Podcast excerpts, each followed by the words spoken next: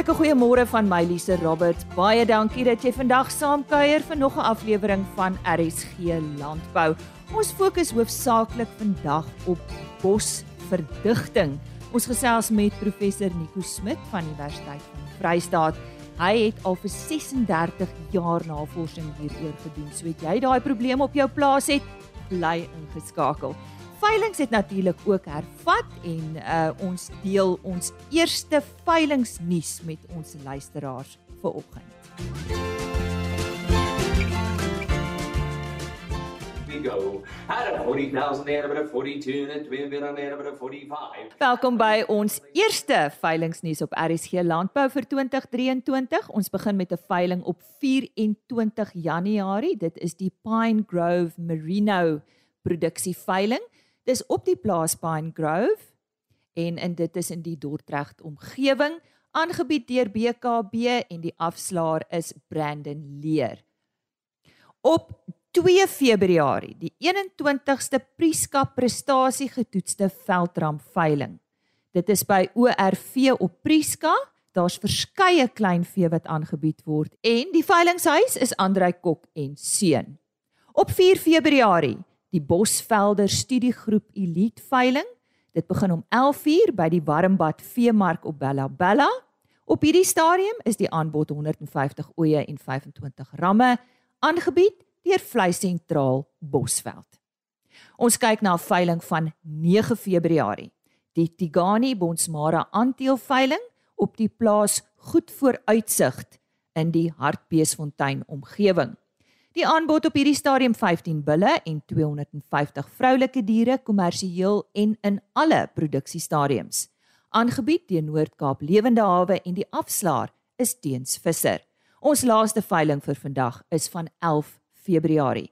Dit is die Wayside produksieveiling. Dit is hulle 10de herdenking en dit is by die Wayside plaas in die Franse Town, Botswana omgewing.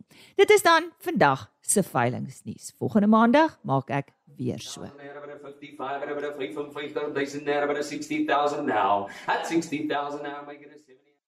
Talle van ons grondeienaars in Suid-Afrika sit met die probleem van bosverdigting.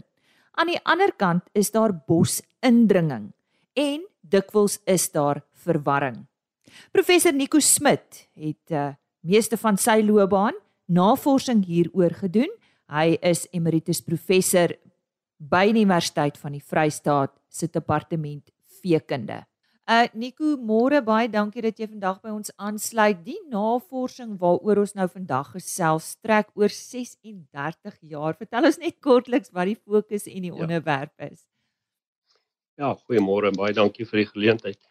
Ja, dit dit begin uh 'n uh, lang tyd terug uh toe ek by die departement landbou gewerk het in die Limpopo provinsie waar ek uh begin werk het op die probleem van bosverdigting uh se savanne dinamika en die ontwikkeling van allometriese modelle om die biomassa van houtagtige plante te bepaal. Ek was 10 jaar daar, so ek het in 1996 na die Universiteit van die Vrystaat gekom waar ek nou die laaste 26 jaar was en maar eintlik wat ek begin het meer in Limpopo net voortgesit het uh die navorsing. Wat behels die probleem van bosverdigting in Suider-Afrika? Goed, uh bosverdigting, ek dink as mens veral as mens begin praat daaroor net seker maak ons het die regte terminologie. Ons kan ons het bosverdigting en dan ons ook bosindringing. Nou jy sal vind daar buite word die twee terme eintlik maar baie die mekaar gebruik maar wat ons eintlik verstaan met bosverdigting is wanneer bome in natuurlike ekosisteme inheemse bome om een of ander rede begin toeneem tot 'n digtheid wat wat dit uh, ongewenste gevolge het. As ons dit nou vergelyk met bosindringing kan ons dit meer beskou as uitheemse indringers soos die uh Suidwesdoring Persopus in die Noord-Kaap wat 'n groot probleem is en ander uitheemse. So hier spesifiek is dit inheemse bome in hulle natuurlike omgewing en dan nou saaklik dan nou in die savanna biome. In die savanna biomes ken ons almal in Afrikaanse taal maar as die bosveld. Nou die savanna biome wys maar net na 'n plantegroei tipe waar jy twee dominante uh, plantegroepe het, uh, die houtagtige plante en jou kruitlaag die hoofsaaklik grasse. Nou in 'n gesonde savanne is die twee komponente bome en gras in in in 'n gesonde kombinasie. Maar wanneer jy dan 'n bosverdigting kry, dan neem die boomkomponent of jou agterge komponent neem dan oor en onderdruk die graslaag en dit dit is dan nou 'n groot probleem veral as jy nou in die boerdery uh betrokke is. So uh wat veroorsaak dit? Ek, ek dink voor uh ons kyk na die oorsake is dat ons moet duidelik besef hierdie savanne ekosisteme uh is 'n waterbeperkende ekosisteem. So alle al die al die prosesse daar word gedryf deur water. En veral as ons dan nou gaan meer na die westelike deel van die savanne bioom in die Noord-Kaap, in Noordwes provinsie, Limp westelike deel van Limpopo waar die reënval laer is as in die oostelike deel, dan is dit 'n baie groot probleem. En so wanneer hierdie bome dan dig raak en die grasproduksie afneem, neem die weidingkapasiteit so af dat van die plase, veral veeplase word dan nou nie meer ekonomiese eenhede nie. Nou die die probleem waar hy vandaan kom en ek dink dit is waar die die oplossing lê. As ons nie die die oorsake verstaan nie, gaan ons ook nie 'n uh, 'n geskikte oplossing vir die probleem kry nie. En en ek dink die kort antwoord is daar's nie 'n enkele probleem nie. Daar's 'n klomp faktore wat 'n bydrae lewer. En en hierdie faktore werk in interaksie met mekaar saam om dan die probleem te veroorsaak. Nou ons kan onderskei tussen natuurlike oorsake en mensgemaakte oorsake. Natuurlike oorsake is die ding wat op almal se lippe deesdae is, die hele ding van klimaatsverandering en die toename in uh, eh, CO2. En ons weet deur eksperimentele werk wat gedoen is dat die houtagtige plante wat eintlik 'n uh, 'n C3 plant is, word meer bevoordeel deur 'n toename in atmosferiese CO2 as grasse wat 'n C4 plant is. So die toename in CO2 wêreldwyd um, is bevorderlik vir houtagtige plante. En dit is iets wat die boer op plaasvlak eintlik geen beheer oor het nie. Dit is 'n ding wat op 'n baie groter skaal plaasvind. Maar dan is daar ook mensgemaakte faktore en hulle is veral belangrik want dis iets waaroor ons dan as 'n bestuurder uh beheer kan oor uitoefen. Jy weet en as ons gaan kyk histories wat gebeur het in Suider-Afrika, die die natuurlike wild wat uit grasvreters, gemengde vreters, blaarvreters bestaan het, is eintlik grootliks gevang met uh diere wat net gras vreet. So die die graslaag is een, eensydig swaar benut en niks wat die houtagtiges benut het nie en so die houtagtiges 'n kompetisievoordeel gekry en begin toeneem. Ook die verandering in die brand patrone, natuurlike brande.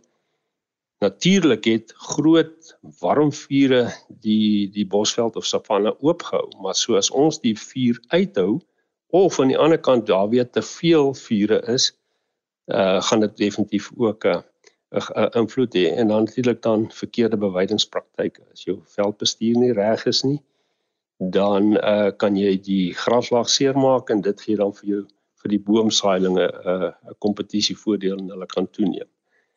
Maar ek sou sê die belangrikste ding is pogings, die verkeerde pogings om bos te beheer. Jy weet, uh die die proses van bosverdigting vind nie sommer net plaas nie. Daar daar moet 'n verstoring wees.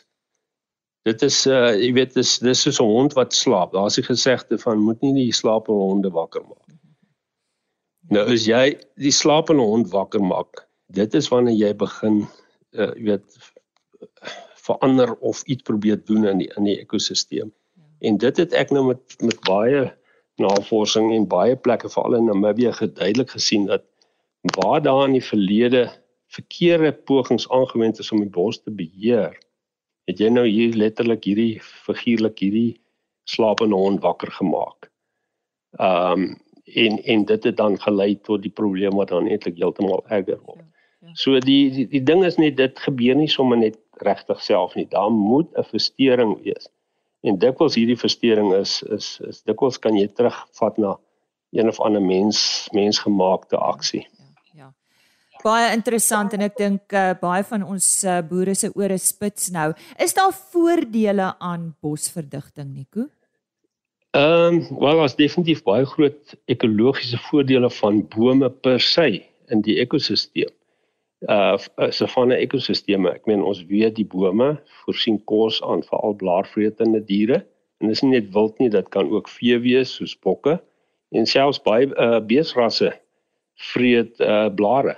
Ek meen hier baie boere wat in Noordwes provinsie en in, in Limpopo en Noord-Kaap wat vir jou sê in die droogte tydperk het baie van die boere se beeste oorleef op op blare van bome. Hulle begin browse, maar dis ook aangeleerd 'n uh, uh, geleerde gedrag. Hulle moet leer om dit te doen. Sekere beesrasse soos Goonies, Brahmane, hulle is ook meer geneig om te uh, te browse as ander beesrasse.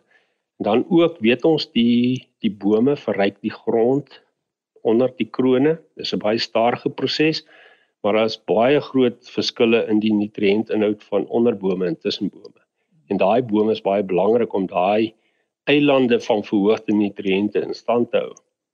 En dit skep ook nou subhabitat diversifikasie. Daar sekere grasse soos ons bekende witbuffelgras panieke maksimum wat verkies om onder die bome te groei. En dis nie oor die skare weer nie, dis oor die hoër stikstof onder die boom. Ja. En dan natuurlik ook stabiliteit. Die boom veroorsaak 'n stabiliteit. Uh, uh, in die ekosisteem en as ons nou van die bome weggaan dan verloor ons hierdie stabiliteit en dis wanneer ons nou begin probleme kry met die bosverdigting. En dan die estetiese ding, hoekom gaan jy kreewilten toe in die winter of of enige tyd is nie net die die wild wat jy daar kry nie is die hele atmosfeer, dis die bome en die goed so dit ook 'n 'n baie belangrike estetiese oorweging. Maar wanneer hierdie bome nou te veel raak en ons het nou bosverdigting, dan is daar eintlik geen voordeel daarin nie.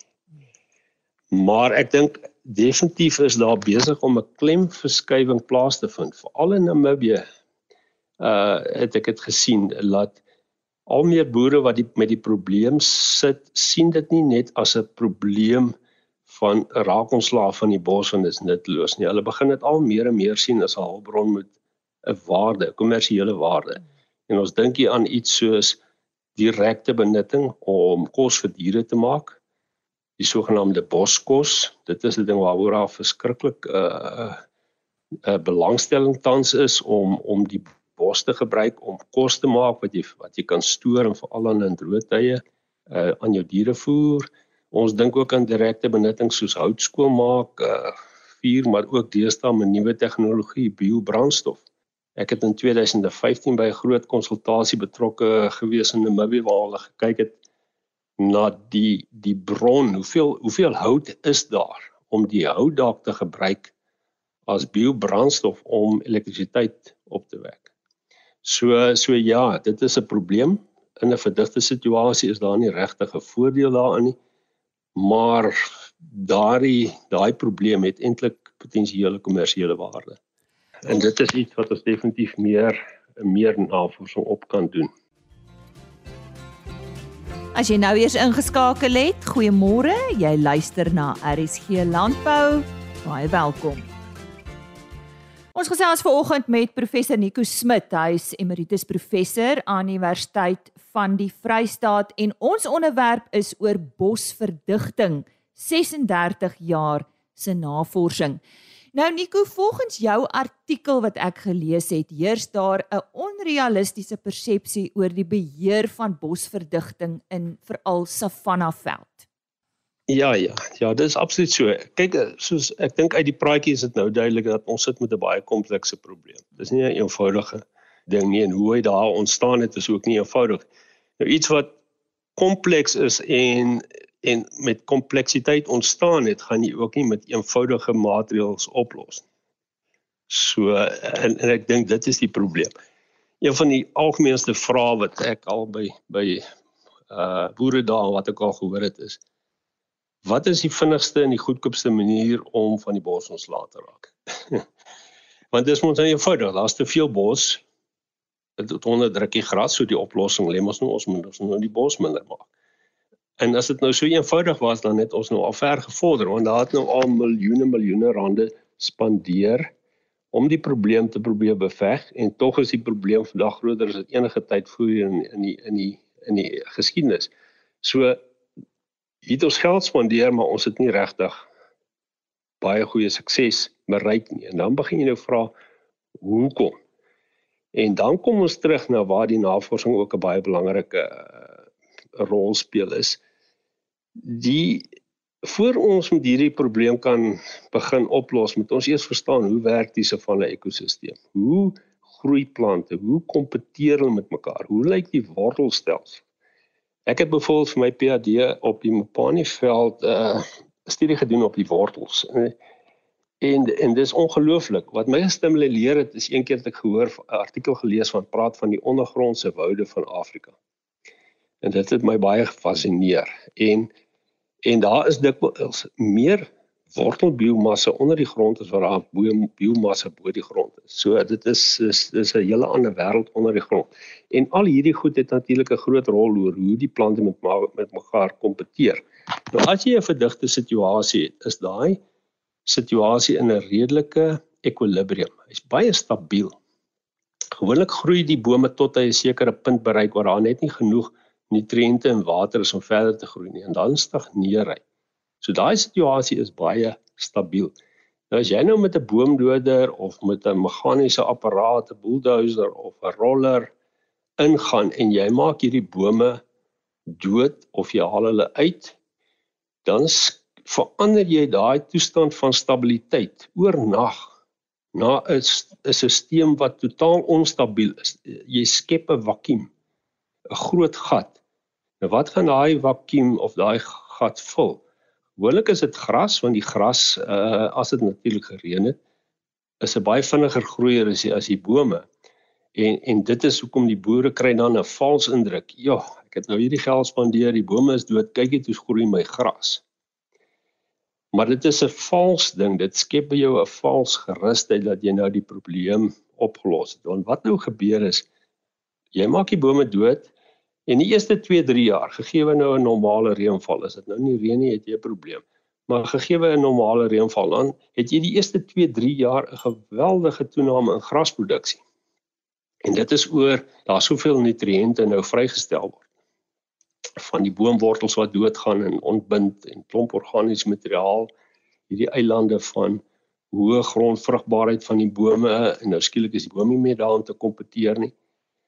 En dan kry jy hierdie gewellige toename, maar dan raak die nutriënte soort van uitgeput en die boom is nie meer daar om dit in stand te hou nie. En dan kry jy 'n afname in grasproduksie, maar dan raak dit redelik uh, vir 'n tyd uh stabiel. En en dit is wat mense baie keer met daai gevalste gerusheid gee. Maar wat nou gebeur tussen die grasse is hier begin nou weer klein boomsaailinge uh vestig want jy het mos nou daai verstoring veroorsaak en ons weet verstoring stimuleer die bome. En wat nou die ergste is, daai boomsaailing is nie noodwendig die bome wat daar oorspronklik was nie. Dit is nou bome wat amper soos pioniere reageer. Bome wat floreer op versteurings. Hier in Noord-Kaap is dit driedoring. Rhizosum trichotinum. In dele van Limpopo sal dit sekelbos wees, die Crostachys cinerea. En hierdie is plante is baie erger as die plante wat oorspronklik daar was. Jy weet so ehm uh, en nou vind jy na 4, 5, 6 jaar jy moet nou weer opvolg. En dit is nou waar waar die probleme inkom. Jy weet hier begin die finansies nou weer belangrik raak. Jy weet as as jy nou 100 rand het of of 10000 rand het of 100000 of 1 miljoen, as jy dit gaan insit in bosbeheer, dis soos 'n belegging wat jy maak. En ons weet almal wat beleggings maak, jy wil die belegging oordeel op grond van wat is jou jou opbrengs wat jy daai belegging kry. En ons weet as jy met veeboerdery het, het jy eintlik 'n baie lae bruto marge. Met ander woorde 'n lae baie lae 'n uh, relatief 'n lae uh opbrengs op jou op jou kapitaal belegging. So nou het jy 100 000 of wat ook al ingesit op op die bosbeheer aksie en voor jy eintlik 'n rendement of 'n opbrengs gekry het uit daai geld moet jy nou weer geld spandeer want hierdie bome begin nou terugkom. En dis waar die boere boere so dikwels vasbrand. Nou kan hy dit nie bekostig nie. En as jy dan daai opvolgaksie oorslaan, dan word dit erger as wat hy was voor jy begin het. Hmm. En daar's ongelukkig miljoene hektare wat so lyk van pogings wat gedoen is en nie opgevolg is nie en wat nou in 'n baie erger situasie uh, ontwikkel het as as voorheen en wat nou baie meer geld sal kos uh jy weet om dit nou reg te maak. En dis hoekom dit so belangrik is. Ek het al vir die boere gesê as jy nie as jy nie bereid is om die regte ding te doen nie, doen liewer niks. Eerlikwaar, gaan sit liewer jou geld op die aandelemark of koop vir jou effekte trust. Jy gaan 'n baie groter opbrengs op jou belegging kry. Maar as jy dit nie reg doen nie en jy sit jou belegging in die, in die verkeerde bosbeheer, is jy gaan jy bankrot raak, eerlikwaar. So en en dit bring ons nou eintlik by by by wat is die oplossing? Is, is daar regtig 'n oplossing? Ja. En dit is nou die kern. En en en dit is hierdie ding wat wat wat moeilik is om by by grondverbruikers te laat posvat want almal wil graag 'n kitsoplossing en daar is nie 'n kitsoplossing nie. Jy weet jy jy moet 'n lang dis soos 'n belegging op die aandelemark. Jy gaan nie gou ryk word daarmee, maar as jy lank genoeg reg belê, gaan jy eendag baie ryk aftree. Uh, en dis dieselfde met die bos. As jy gelukkig is om 'n plaas te hê wat nog nie pogings van bosbeheer het nie, het jy waarskynlik 'n ekosisteem wat wat wat wat die potensiaal het om heeltemal te restoreer en vir jou fantastiese produksie te gee en wat nie weer gaan verdig nie as jy die regte ding doen. En en die sleutel hier is uh nie 'n eenmalige nie selektiewe doodmaak van die bome nie. Dit gaan daaroor oor 'n baie geleidelike, hoogselektiewe uitdunning. En hoekom dit so belangrik is, navorsing het gewys dat bome kompeteer nie net met die gras nie. Hulle kom kompeteer ook met mekaar. So as jy 'n groot boom het, onderdruk hy ander in sy omgewing. En hoe groter die boom is, hoe groter is die area wat hy kleintjies onderdruk. Maar vat nou daai groot boom weg. Dis nou hierdie vakuum. Dan is daar 30 kleintjies wat in sy plek opkom. En dit is en dit is die hele ding. Uh interessant, my navorsing daai tyd uh in die Mopani veld en ek het nou 'n PhD student in Namibië wat presies dieselfde gevind het. As jy selektief begin uitdun die bome en jy fokus op die kleintjies eers, los die grootes ten alle koste. Die wat oorbly, die groter bome wat oorbly, hulle kry ook die voordeel van verminderde kompetisie. Hulle groei nou groter. En hoe groter hulle groei, hoe groter is die area wat hulle aan kleintjies onderdruk. So éventueel het jy 'n lekker oop savanna met 'n gesonde graslaag met al die voordele van die bome, die skaduwee, die grondverryking, die stabiliteit wat jy wil hê en jy kry naderhand 'n uh, uh, jy weet 'n ekosisteem wat so stabiel is dat hy nie maklik uh gaan verdig nie en en produktief gaan bly. En dit is die punt waar ons baie graag wil hê, maar dit is amper 'n lewenstaak. Ek sê altyd ons moet die bos begin bestuur en ophou die bos probeer beveg. Uh want as ons daai daai ding wil beveg, dis soos om om saam met uh, Mohammed Ali in die kry te klim. Hy gaan vir jou uitslat. Jy gaan nie hy jy gaan nie wen nie. Jy gaan nie wen nie. Hy gaan vir jou slat. Uh en dis presies dieselfde ding. Ou ou moet ou moet geduldig wees. Jy moet jy moet 'n plan hê. En en en wat ander ding wat mense ook ver, uh, vergeet is, jy weet, soos in die Vrystaat. Ek meen ons het nie bome nie, maar hoekom het jy goeie veld en hoekom het jy swak veld? So dis nie net die boom wat daar is of nie daar is wat die probleem is nie. Jy moet ook kyk na jou veldbestuur. Kyk vir jou of jy 'n goeie veldbestuurstelsel het, 'n beweidingstelsel het. Uh want want jou kompeterende graslaag is jou eerste linie van verdediging teen boomsaaiing.